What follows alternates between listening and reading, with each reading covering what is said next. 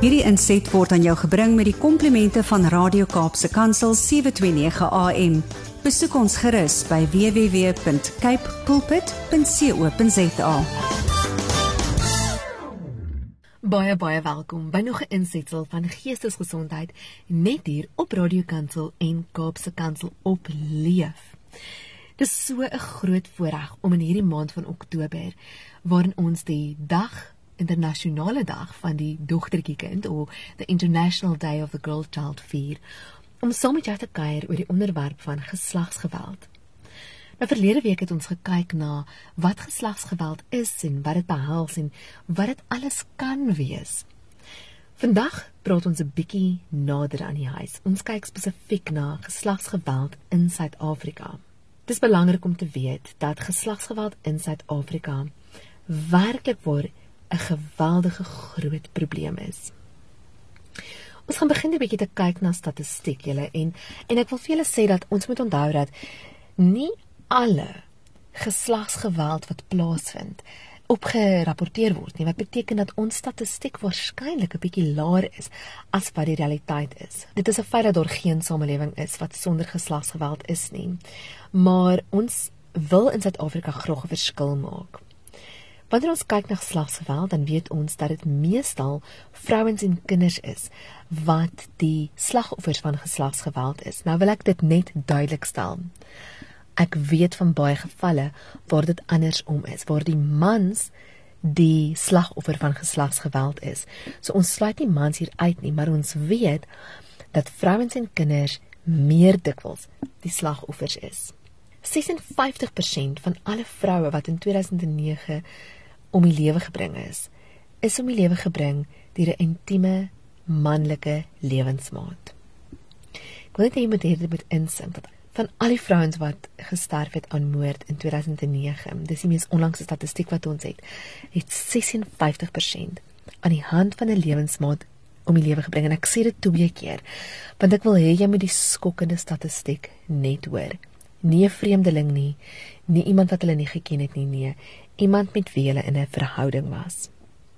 Tussen 25 en 40% van Suid-Afrikaanse vrouens het seksuele of interpersoonlike fisiese geslagsgeweld in hulle lewe ervaar. Net net onder 50% van vrouens rapporteer dat hulle emosionele of ekonomiese mishandeling aan die hand van hulle intieme lewensmaat ervaar het.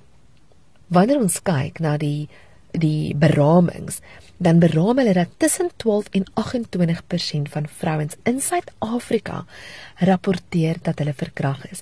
En ek wil net gou sê, dit is waarskynlik baie hoër. Vrouens word dikwels emosioneel geleer van 'n jong ouderdom af dat hulle liggame nie hulle eie is nie. En daarom is baie seker baie vrouens onseker of dit wat hulle beleef het verkrachting was of nie sien ons sit 'n sekere beeld van verkrachting daar buite. Die beeld wat die televisie sit en wat die media dikwels uitstel, is dat dit 'n vreemdeling is wat jou in 'n donker steegie gaan oorrompel en jou daar gaan verkragt. Maar die realiteit is dat vrouens deur hulle lewensmaats op 'n seksuele manier seksuele misbruik ervaar. So, dan voel 'n vrou sy kan ook nie sê dit is verkrachting nie, want alhoewel sy nie ingestem het daartoe nie, is dit dan nou haar maat. En ek sien dit veral onder ons hoërskoolmeisies. Baie hoërskoolmeisies word tot 'n mate, ons praat nie van forsering, we talk about coercion, reg. So dit is om in dit in gedruk te word om tot by daardie punt te kom waar iemand vir jou sê luister hierso kom aan kom ons probeer so jy wil nie maar jy voel jy kan nie nee sê nie. En daardie verkrachtings wat ook verkrachtings is, word dikwels nie rapporteer nie. Nou eh, geslagsgeweld is ook iets wat mans beleef en en dit het, het ook 'n impak op mans. Soveel sodat in 'n in 'n studie het 28 tot 37% van volwasse mans rapporteer dat hulle al in hulle lewenstyd 'n vrou verkragt het. Nou ons weet dat dit ook algemeen is dat jy nie deur jou lewensmaat verkragt word nie. En maar 'n sekere studie wys dat net 1 in 13 vrouens in Gauteng rapporteer non non non maat so 'n um, verkrachting wat nie deur jou maat plaasgevind het nie en en dat net 1 in 25 verkrachtings aan die polisie rapporteer word. Julle sê ons moet besef ons werk hier met statistiek wat eintlik so leeg is omdat vrouens nie voel hulle kan dit rapporteer nie. Hulle sê dat amper alle mans wat gesê het en erken het dat hulle vrouens verkrag het, het dit gedoen as tieners en amper alle mans wat 'n vrou verkrag het, het dit gedoen teen die tyd wat hulle in hulle mid-20's is. Nou hier daar is besonder min navorsing hieroor omdat dit so moeilik is om presiese statistiek te kry. 'n Ander groep wat baie onderstudeer is, is die rapportering van mans wat verkrag word. En dit is belangrik dat ons ook hieroor praat want julle dit raak soos ek gesê het die eerste paar keer ons almal, almal van ons word op 'n stadium blootgestel of ken iemand wat blootgestel word. Wanneer ons kyk na na wat dit dryf in Suid-Afrika, vind ons dat dit spesifiek diep gewortel is in 'n patriargale stelsel. Patriargale stelsels, kulturele stelsels is waar die man gesien word as die opperhand. Die man maak besluite oor die gemeenskap. Die man maak besluite oor sy familie en oor sy vrou en oor daardie liggame. En dan is dit so dat daardie tipe drywers dikwels geslagsgeweld normaliseer. Een van die quotes wat ek gelees het in my navorsing vir hierdie onderwerp is dat in South Africa in particular gender-based violence pervades the political, economic and social structures of society and is driven by strongly patriarchal social norms and complex and intersectional power inequalities including those of gender, race, class and sexuality. Nou julle net in Suid-Afrika is daar 1.7 5 miljoen mense wat jaarliks gesondheidsorg soek as gevolg van beserings wat spruit uit geslagsgeweld.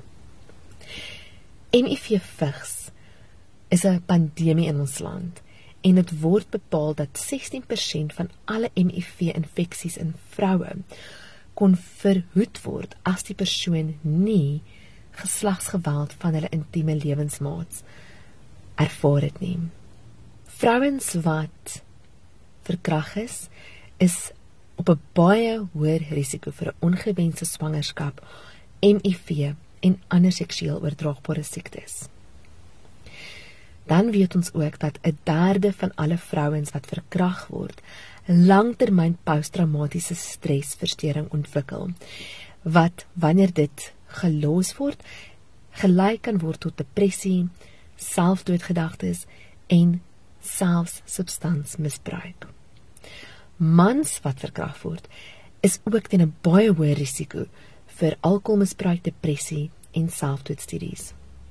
Julle 'n studie wat in 2014 deur KPMG uitgevoer is, het beraam dat geslagsgeweld in Suid-Afrika ons ekonomie 'n skrale 28.4 miljard tot 42.4 biljoen rand gekos het.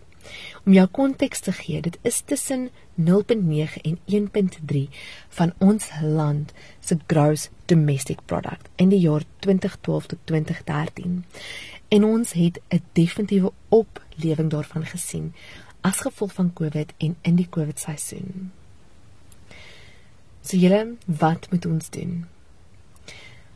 Ons kan nie net terugsit in ons land en sê dis iets wat ons nie raak nie. As jy self nie deur die sielkundige impak daarvan geraak is nie, dan word jou sak daardeur geraak want hierdie biljoene rande moet iewers verhaal word en die belastingbetaler se sak betaal vir daardie sorg. Ons mediese sorg is onder las.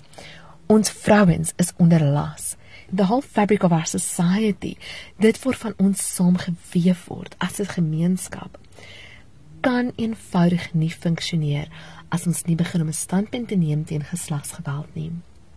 Volgende week wil ek praat oor die impak, die psigologiese impak van geslagsgeweld op die individu. Ek wil hê ons moet dit verstaan want want selfs net hierdie oploop, jy weet, kyk na die globale prentjie van geslagsgeweld, kyk na die geslagsgeweld in Suid-Afrika. Dit voel nog ver. Dit voel nog abstrakt. Dit voel nie soos iets wat vir my of vir jou kan raak nie. Maar wanneer ons besef dat dit eintlik 'n dieplike intieme belewenis is, dan kan ons begin praat en sê wag 'n bietjie. Ek is reg om 'n verskil te maak. Ek is reg om te sê ek wil iewers betrokke raak, ek wil iewers my stem of my geld begin gee teen hierdie beweging teen geslagsgeweld. So, volgende week praat ons oor die sielkundige impak op 'n individu. En dan gaan ons die week, die maand afsluit hier in week 4 te praat oor wat kan jy doen as 'n individu en is daar organisasies waar jy jou hand kan gee?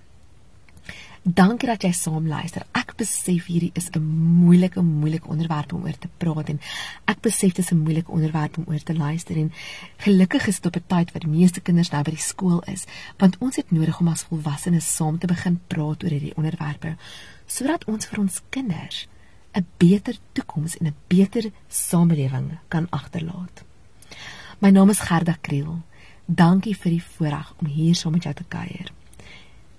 Ons praat volgende week weer en mag jy die Here se seën in jou lewe ervaar, soos wat jy hierdie week bietjie dink oor hierdie onderwerp. Mag dit jou hart aanraak. Totsiens. Hierdie inset was aan jou gebring met die komplimente van Radio Kaapse Kansel 729 AM. Besoek ons gerus by www.cape pulpit.co.za.